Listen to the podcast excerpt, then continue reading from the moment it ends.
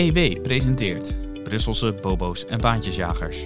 De EU-politiek feitelijk, kritisch en onafhankelijk geduid door Jelte Wiersma, onze correspondent in Brussel. Dat de opkomst van China een bedreiging is voor de westerse wereld, daarover is in de Verenigde Staten bijna iedereen het wel eens. Maar geldt het ook voor de belangrijkste Europese regeringsleiders? We bespreken het met Jelte Wiersma, onze correspondent in Brussel. Ook hebben we het over Italië, dat een nieuwe premier heeft, Mario Draghi, voormalig president van de Europese Centrale Bank. Wat zegt dat over de staat van de Italiaanse democratie?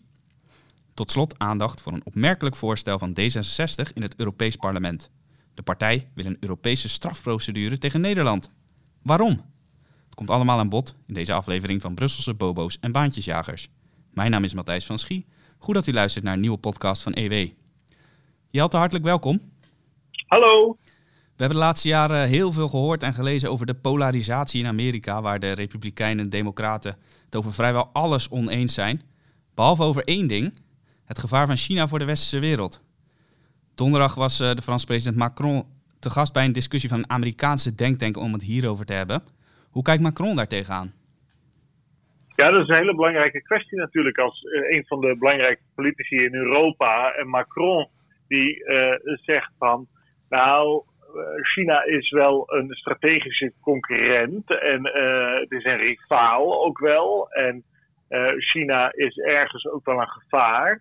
Maar veel belangrijker is wat hij zei in relatie tot de Verenigde Staten. Hij zei een situatie waarin we ons allemaal verenigen tegen China. Dat is een scenario van de hoogst mogelijke conflictualiteit, zo zegt hij dat dan. En dat is voor mij contraproductief. Nou, wat zegt hij nou precies? Hij zegt dus als de Verenigde Staten en uh, de Europese Unie samen een blok zouden vormen en uh, uh, China daarmee voor een eigenlijk een voldongen feit stellen van wie het machtigste blok in de wereld is, dan denkt hij dat het leidt tot conflict en dat vindt hij contraproductief. Nou, wat hij dan precies met, met productief bedoelt, is natuurlijk um, uh, klimaat, want daar zijn ze geobsedeerd mee in heel veel uh, hoofdsteden, ook in de Europese Unie, misschien wel juist in de Europese Unie. Dus hij zegt van, ik vind het zo belangrijk dat wij op bijvoorbeeld klimaatgebied, en dan bedoelt hij niet klimaatgebied, maar het verminderen van de uitstoot van broeikasgassen natuurlijk, met China afspraken kunnen maken. Uh, dat we moeten, uh, en dat is zo belangrijk, dat we moeten China uh, niet gaan uitdagen. En dan zijn er nog een aantal andere dingen, daar heeft hij het dan niet over, maar impliciet ook weer wel. En dat is natuurlijk handel. Louis Vuitton en Hermès en al die andere Franse giganten, die verkopen daar natuurlijk ook hun waar. En um, dat um, wil, wil hij natuurlijk niet bedreigd zien. Uh, nou, voor mij is het wel heel opmerkelijk dat hij dus zegt: wij moeten China niet gaan uitdagen. En bij China moet je altijd denken natuurlijk aan de communistische partij, die daar de alleenheerser is. En dan de alleenheerser binnen die communistische partij, Xi Jinping, effectief de dictator van China. Die communistische partij met Xi aan het hoofd, die wil uh, Macron niet voor het hoofd stoten uh, uit angst voor een conflict. Nou, toen uh, vielen de schellen toch wel van mijn ogen. Want uh, er is natuurlijk een conflict tussen het Westen en China. Dat is ook onvermijdelijk. Dat conflict zal waarschijnlijk alleen maar heftiger worden. En um, het kan zomaar zijn um, dat zo'n conflict zelfs noodzakelijk is. Dat kan ook zijn hè, in de strijd om vrijheid. En daar gaat het natuurlijk fundamenteel om. Tussen het Westen, waar vrijheid vooraan staat, en uh, Xi Jinping's uh, communistische dictatuur, waar vrijheid aan alle kanten uh, onderdrukt wordt. Uh, daar, de, dat is de kern van die, van, van, van die discussie. Ja, daar moet misschien wel strijd worden gevoerd om die westerse vrijheid overeind te houden. En niet onder die stoomwals China, die overal in de wereld oprukt, vermorzeld te worden. Ja, je hebt op de website van EW een uh, vlammend commentaar hierover geschreven. Waarin jij spreekt over de China-knuffelaars. Knuffelaars in meervoud. Want Macron is niet de enige die er zo tegenaan kijkt, hè? Nee, dat is zeker waar. Je hebt natuurlijk Angela Merkel, de Duitse bondskanselier, CDU. die zich altijd voorstaat als de kampioen van het multilateralisme, wat dan zoiets betekent als een internationale rechtsorde waar alle landen zich aan gaan houden en samen afspraken maken over, over regels. En uh, zo conflicten voorkomen en handel soepeler laten verlopen. Nou, dat is natuurlijk wel leuk en aardig. Maar als je kijkt um, naar um, hoe Merkel opereert, dan is het ook vooral een uitgestoken hand naar China en geen uitgestoken hand naar de Verenigde Staten. Dus dat multilateralisme van Merkel, dat is één kant op in die zin, naar de Chinese kant.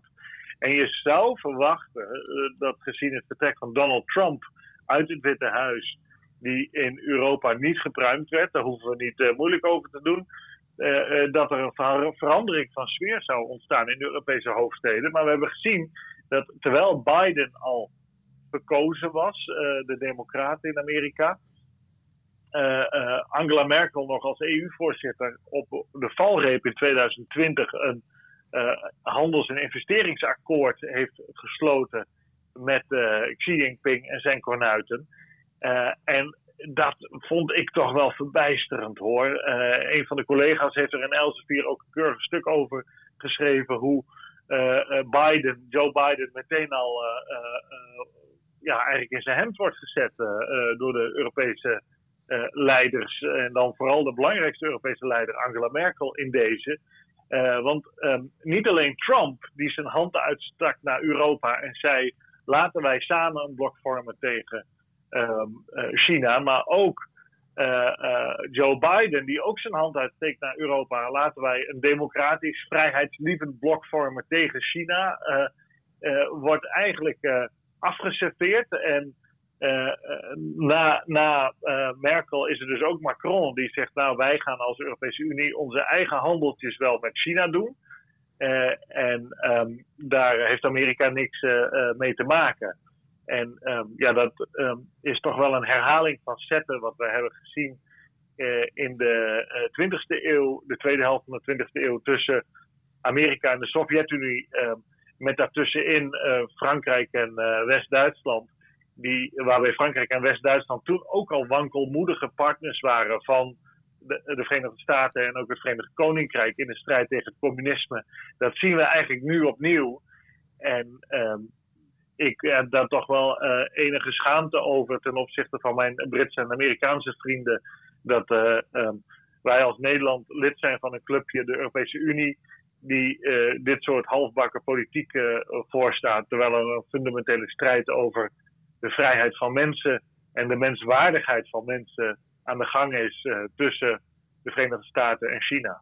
Ja, jij uh, schrijft in jouw artikel, uh, probeer jij een kijkje te nemen in het hoofd van leiders als Macron en Merkel. En daarin schrijf jij voor hun doel, namelijk Europa of de Europese Unie een mondiale supermacht maken, is het belangrijk in hun ogen dat de EU zich echt los en onafhankelijk gaat opstellen van de Verenigde Staten. Nou, dat doen ze hiermee dus. Maar is dat überhaupt wel mogelijk in de strijd tegen China?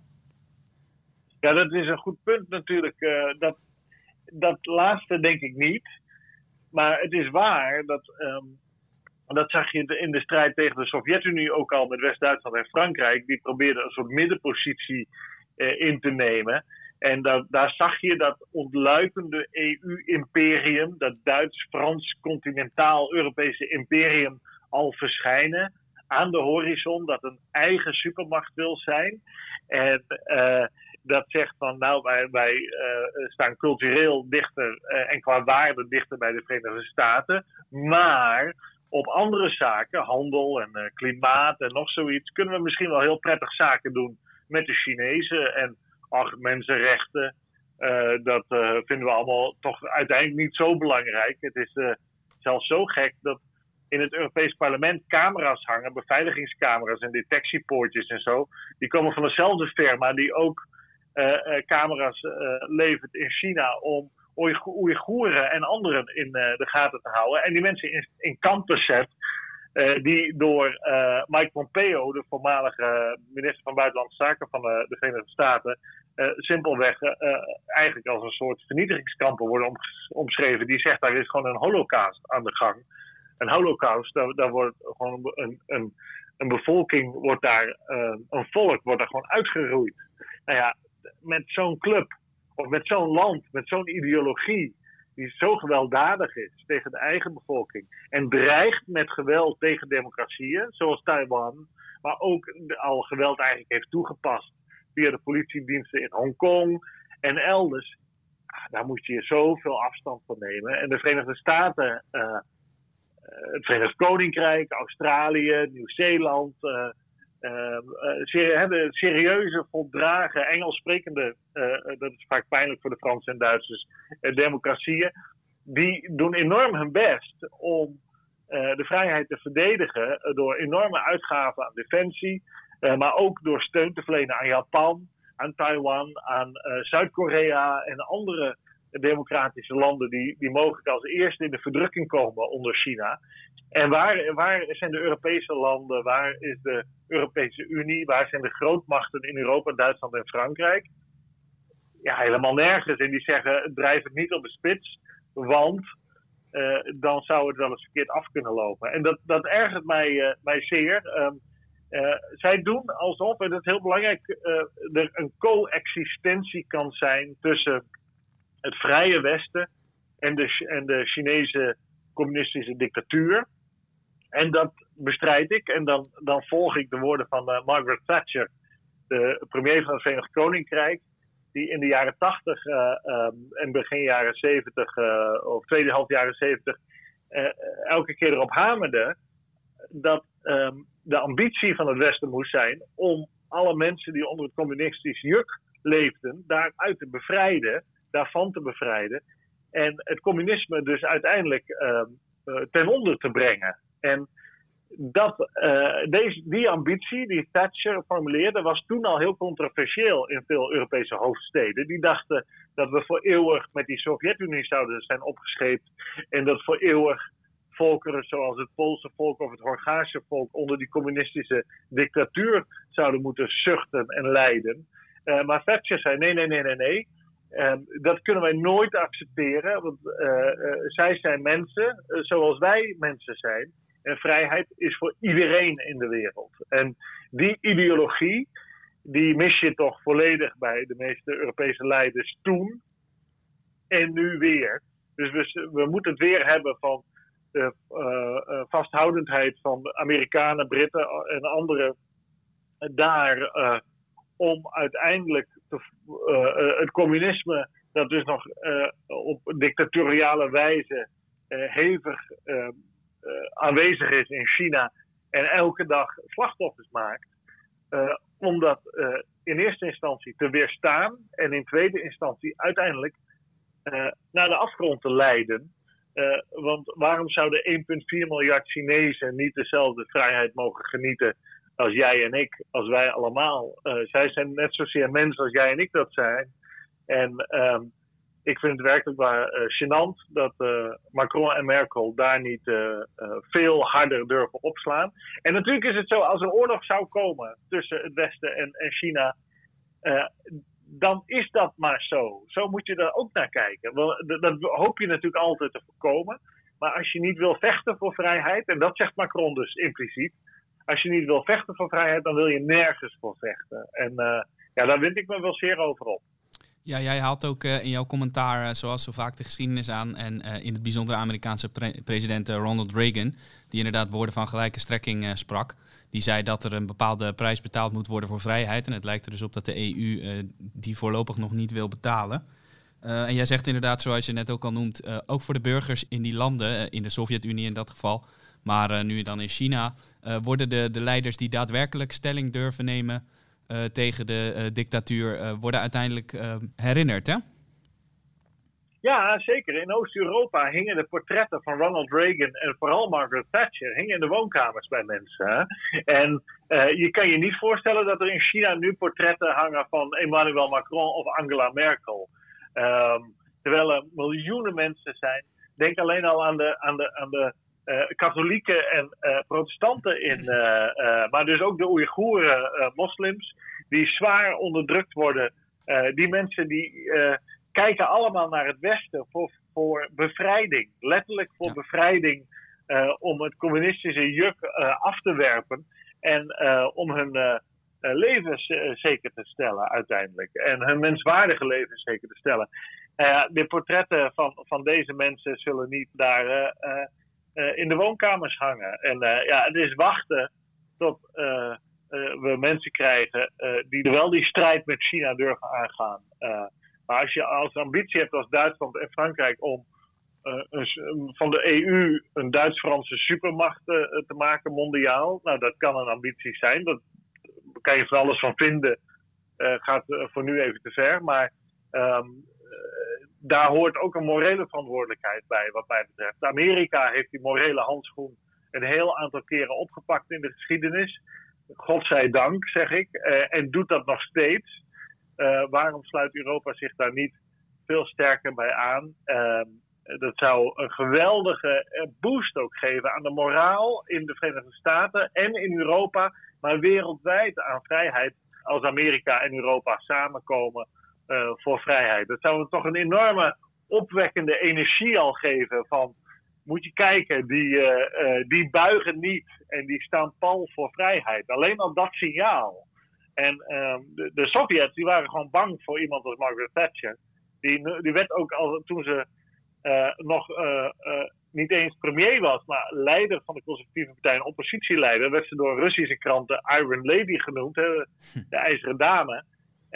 En die waren toen al bij wijze van spreken bang voor haar of onder de indruk van haar. En alleen al de, de indruk die jouw tegenstander heeft, doordat jij energiek bent, vastberaden, standvastig, um, voorkomt vaak oorlog juist, omdat de ander dan denkt van, oh, daar ga ik niet tegen strijden, want dan uh, ga ik eraan. Want zij zijn sterker dan, dan wij zijn. En dat, maar ja, dan moet je wel mensen hebben die dat soort geloof hebben, dit soort overtuigingen. Ja, en dat, dat ontbreekt volledig natuurlijk. Ja, we zullen zien of de Europese regeringsleiders Macron, Merkel en anderen tot inkeer zullen komen op dit gebied. het China-probleem zal alleen maar belangrijker worden in de toekomst, dus dan blijven wij dat gewoon volgen in deze podcast.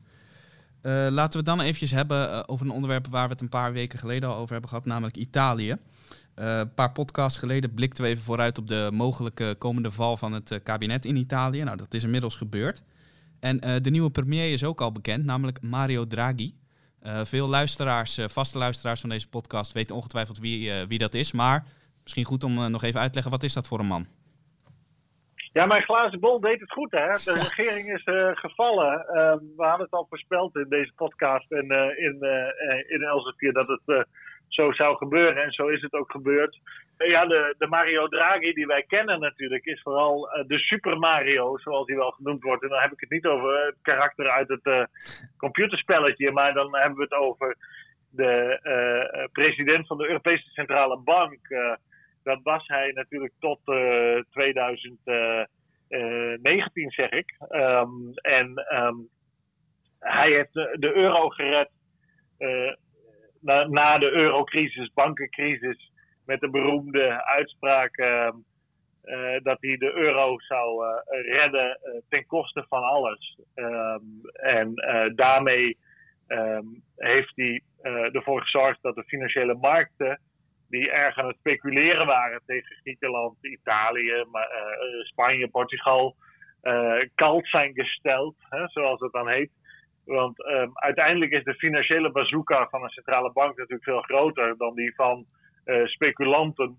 En door zijn beroemde woorden, whatever it takes, is de kalmte gekomen en is, zijn speculanten gestopt met speculeren tegen zwakke eurolanden.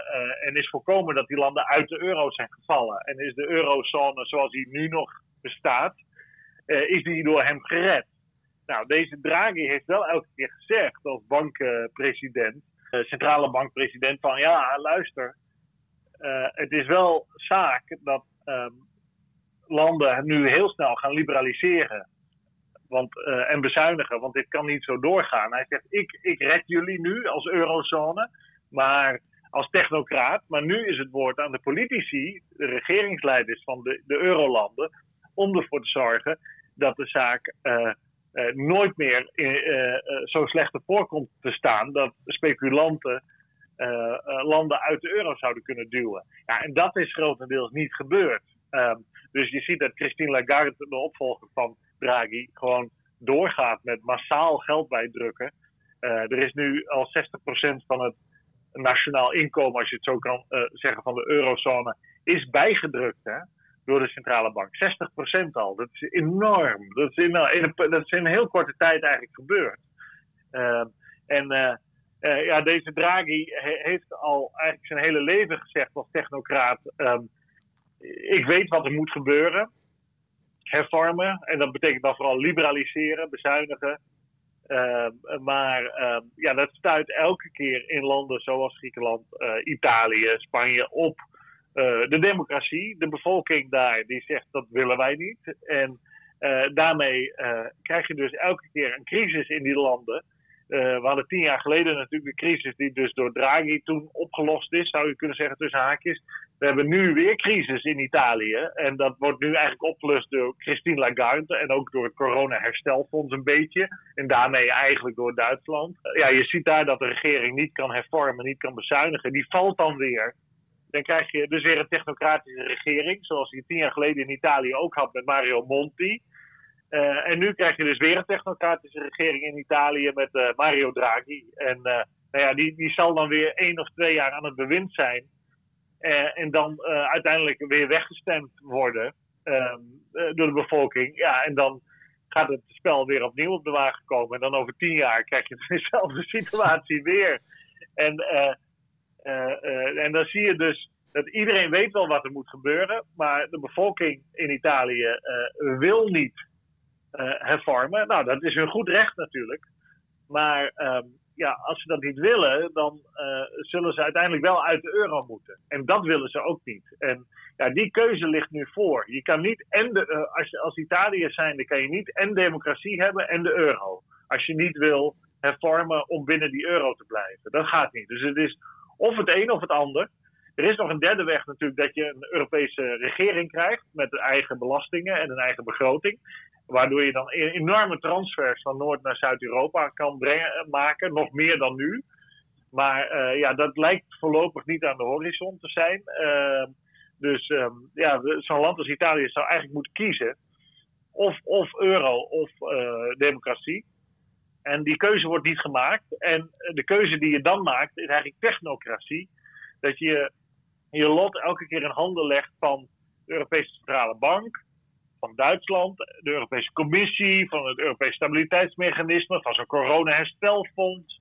Uh, en, en dan nu in eigen land, dus in handen van Mario Draghi, deze Romeinse uh, diplomaat, uh, oud ambtenaar en, en dus ECB-bestuurder. die situatie, daar kom je dan in terecht. En krijg je eigenlijk wat Griekenland ook heeft doorgemaakt. Dat de technocraten de mannen met, met de koffertjes en de pakken, die nemen dan uh, het bewind over. Uh, ja, jij zei het al inderdaad, het was kiezen tussen de euro en de democratie. Nou, daar hebben ze met de benoeming van Draghi dus voor de euro gekozen in dit geval. Uh, ja, democratisch is daar natuurlijk van alles mis mee, want er zijn inderdaad geen nieuwe verkiezingen georganiseerd bijvoorbeeld. Maar je kunt ook zeggen met het oog op Griekenland bijvoorbeeld, waar het toch een stuk beter mee is gegaan, dat het een goede zaak is voor de eurozone als geheel en dus ook voor Nederland. Ja, dat zou je kunnen betogen. Uh, dan moet je dus zeggen, uh, uh, Italië, Griekenland, misschien ook wel Spanje, dat zijn landen waar, die niet fit zijn voor democratie. En waar de bevolking niks te zeggen krijgt over het eigen bestuur, financieel althans. en dan worden zij financieel dus bestuurd vanuit Frankfurt, Berlijn, Parijs in mindere mate en, en, en Brussel. Dat ja, kan. Dat is eigenlijk een beetje wat Rutte probeerde hè, van de zomer al. Ja, precies. De, uh, Mark Rutte heeft natuurlijk gezegd van. Uh, toen dat corona-herstelfonds van 750 miljard euro afgelopen juli is afgesproken op voorspraak van uh, Angela Merkel en Emmanuel Macron. Om eigenlijk Italië te redden, dat zwaar leed onder de lockdown van de corona. Ja, om die, dat herstelfonds aan hele zware eisen te laten uh, voldoen voor hervormingen. Dus Rutte heeft gezegd, ja, ik ga daar niet mee akkoord, dat de corona-herstelfonds, tenzij um, Italië fors hervormt. Nou, toen zei Matteo Salvini, de oppositieleider van de Lega, Lega die zei van ja, nu gaat eigenlijk Mark Rutte bepalen hoe onze financiën erin in zitten. Die gaat bepalen dat wij bijvoorbeeld in Italië onze pensioenen moeten verlagen. Nou, dat is inderdaad waar. Maar ik vind dat niet een ideale situatie, eerlijk gezegd. uiteindelijk, kijk, zijn twee dingen altijd waar economische macht leidt altijd tot politieke macht. Dus als Duitsland en Nederland en andere uh, economisch steeds sterker staan ten opzichte van Italië, dan leidt dat tot de politieke macht. Ja, en dan gaan die landen uiteindelijk bepalen hoe, hoe jij uh, moet, moet leven. Ehm, maar ik denk dat het uiteindelijk stuk loopt op de democratie. Want een, een bevolking zoals de Italiaanse, die zal dat uiteindelijk niet accepteren. Uh, Griekenland accepteerde dat misschien nog omdat die zo klein zijn en ook heel erg perifeer liggen.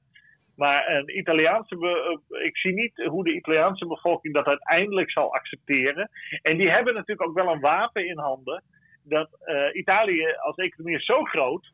Dat die eigenlijk, hè, dat wordt dan gezegd, die is too big to fail. Want als Italië uit de euro zou vallen, dan zou dat geweldige consequenties hebben voor alle uh, leningen die aan Italië zijn verstrekt. Want die zullen dan natuurlijk nooit in euro's worden terugbetaald. Uh, en uh, ja, dan zullen er geweldige verliezen geboekt worden in Noord-Europa. Dus uh, Italië heeft in die zin ook een pistool op de borst staan van Noord-Europa.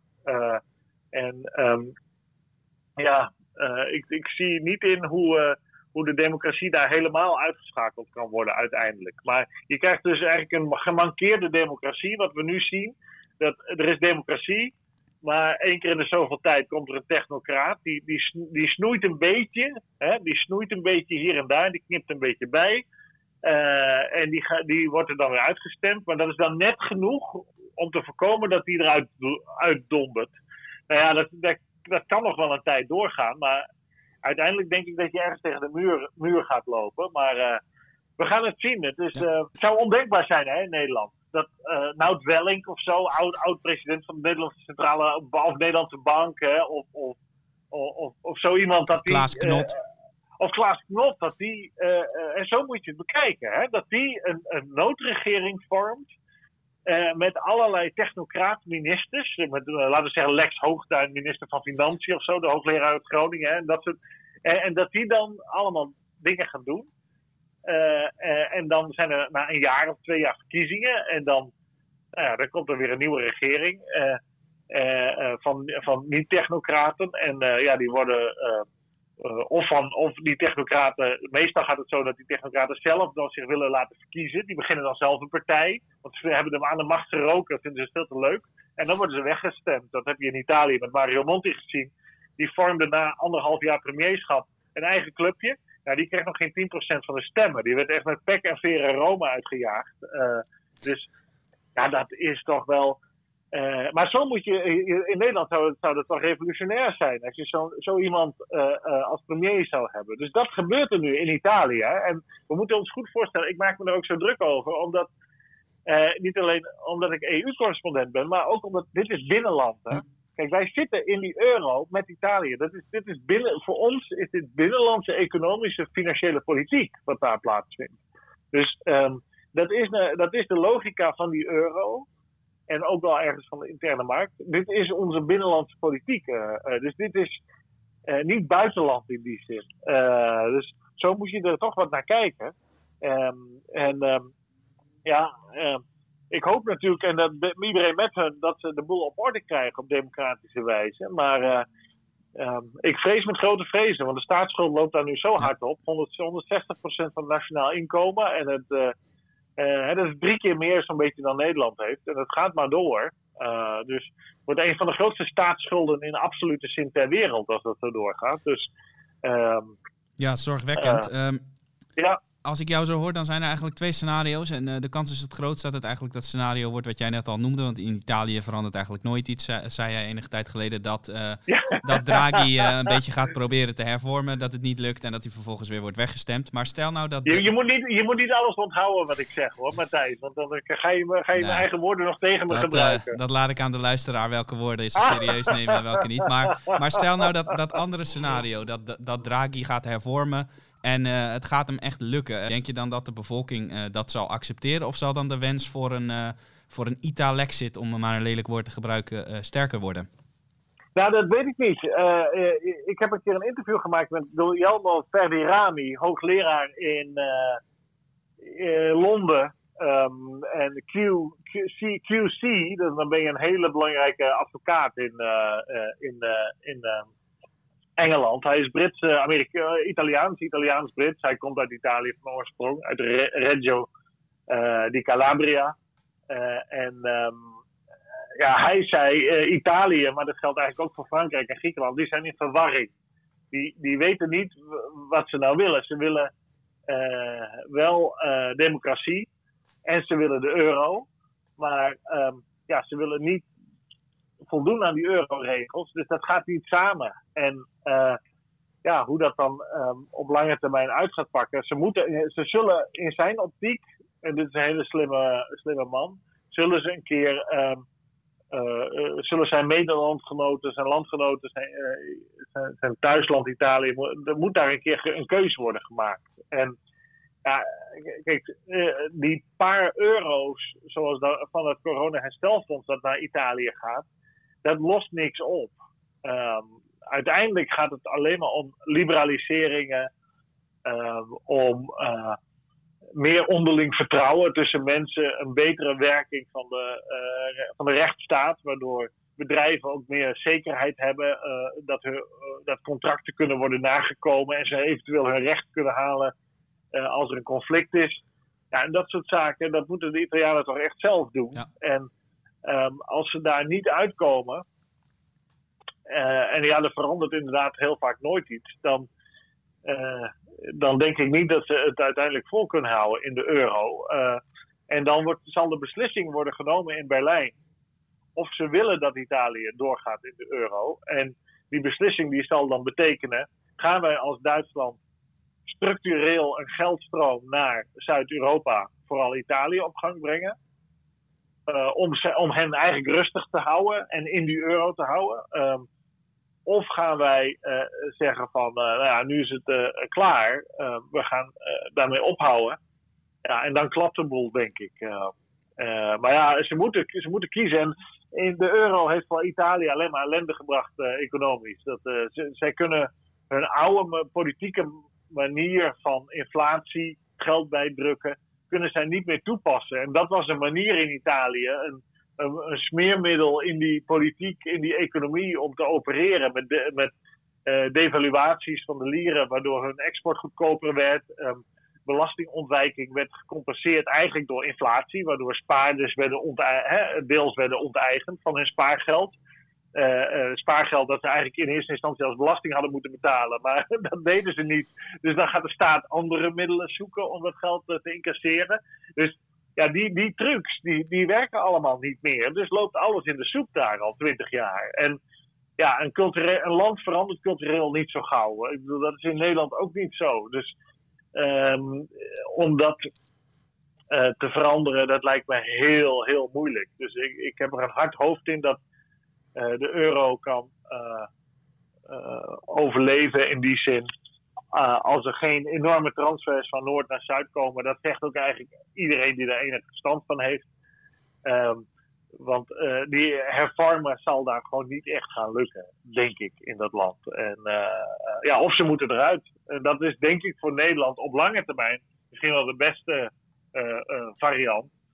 Ehm, want ja, permanente transfers die kant op, uh, dan ben je eigenlijk exportsubsidies aan het verlenen aan Nederlandse bedrijven. Dat is wel een heel omslachtige manier om dat te doen. Ja, nou, het klinkt allemaal niet uh, erg rooskleurig, maar goed, we, we, blijven het gewoon volgen hoe die Italianen dat daar gaan doen en hoe ze inderdaad een keer de keuze gaan maken. Uh, nou hebben we het een tijdje gehad over de buitenlandse politiek, hoewel dit natuurlijk, zoals jij terecht zegt, ook binnenlandpolitiek is. Want dat is natuurlijk ook een van de hoofdredenen waarom wij zo graag over die EU praten en het zo belangrijk vinden. Omdat het uiteindelijk ook allemaal over ons en ons geld en onze democratie gaat. Maar laten we het dan nu ook nog echt even over Nederland hebben. Want in Nederland, zoals u vast weet, is het kabinet ook ten val gekomen door de toeslagenaffaire. Nederland gaat het kabinet natuurlijk nog wel demissionair door, in tegenstelling tot in Italië. Maar die toeslagenaffaire, dat was voor Europarlementariër Samira Rafaela van D66 reden om te pleiten voor een strafprocedure van de EU tegen Nederland. Waarom wil zij dat?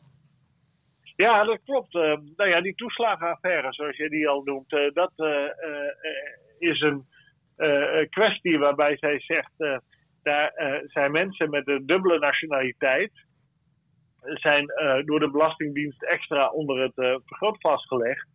En ja, dat is institutioneel racisme, zegt deze mevrouw Ravela. Nou, dat is natuurlijk niet zo. Uh, racisme gaat over ras en de dubbele nationaliteit gaat over nationaliteit. Dus het gaat uh, hoogstens over discriminatie. Ja. Je, je, je, ras, als je dat dan zo mag zeggen, staat niet in je paspoort. Nee, exact. Dus deze mevrouw is een beetje in de war. Maar goed, dat geeft niks.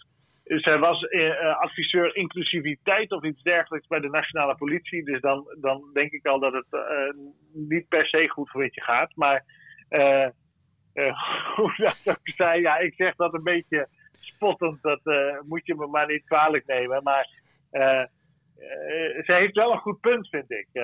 haar fundamentele punt is dat um, als Frans Timmermans als EU-commissaris tegen Polen en Hongarije zegt ja, jullie uh, hervormingen van de rechtsstaat die deugen niet en die passen niet bij de Europese waarden, uh, bij de rechtsstatelijkheid van Europa. En daar is natuurlijk nogal wat lawaai over gemaakt, vooral vanuit Nederland, ook door premier Mark Rutte en dus door Frans Timmermans. Ehm, en er zijn allerlei strafprocedures tegen Polen en Hongarije opgezet bij het Europees Hof van Justitie, door de Europese Commissie. Ja, en ook uh, de, de Europarlementariër, ook uit Nederland, uh, Sargentini, die uh, begon zo'nzelfde procedure tegen Hongarije. Dus wat dat betreft een koekje van eigen deeg voor Nederland. Ja, en, en toen heb ik elke keer al geschreven van nou, wees nou een beetje voorzichtig hiermee, Frans Timmermans en Mark Rutte en al die anderen. Want als jullie zeggen dat het daar niet deugt, in Polen en Hongarije, ja, dan moeten we eerst maar eens even naar onszelf kijken.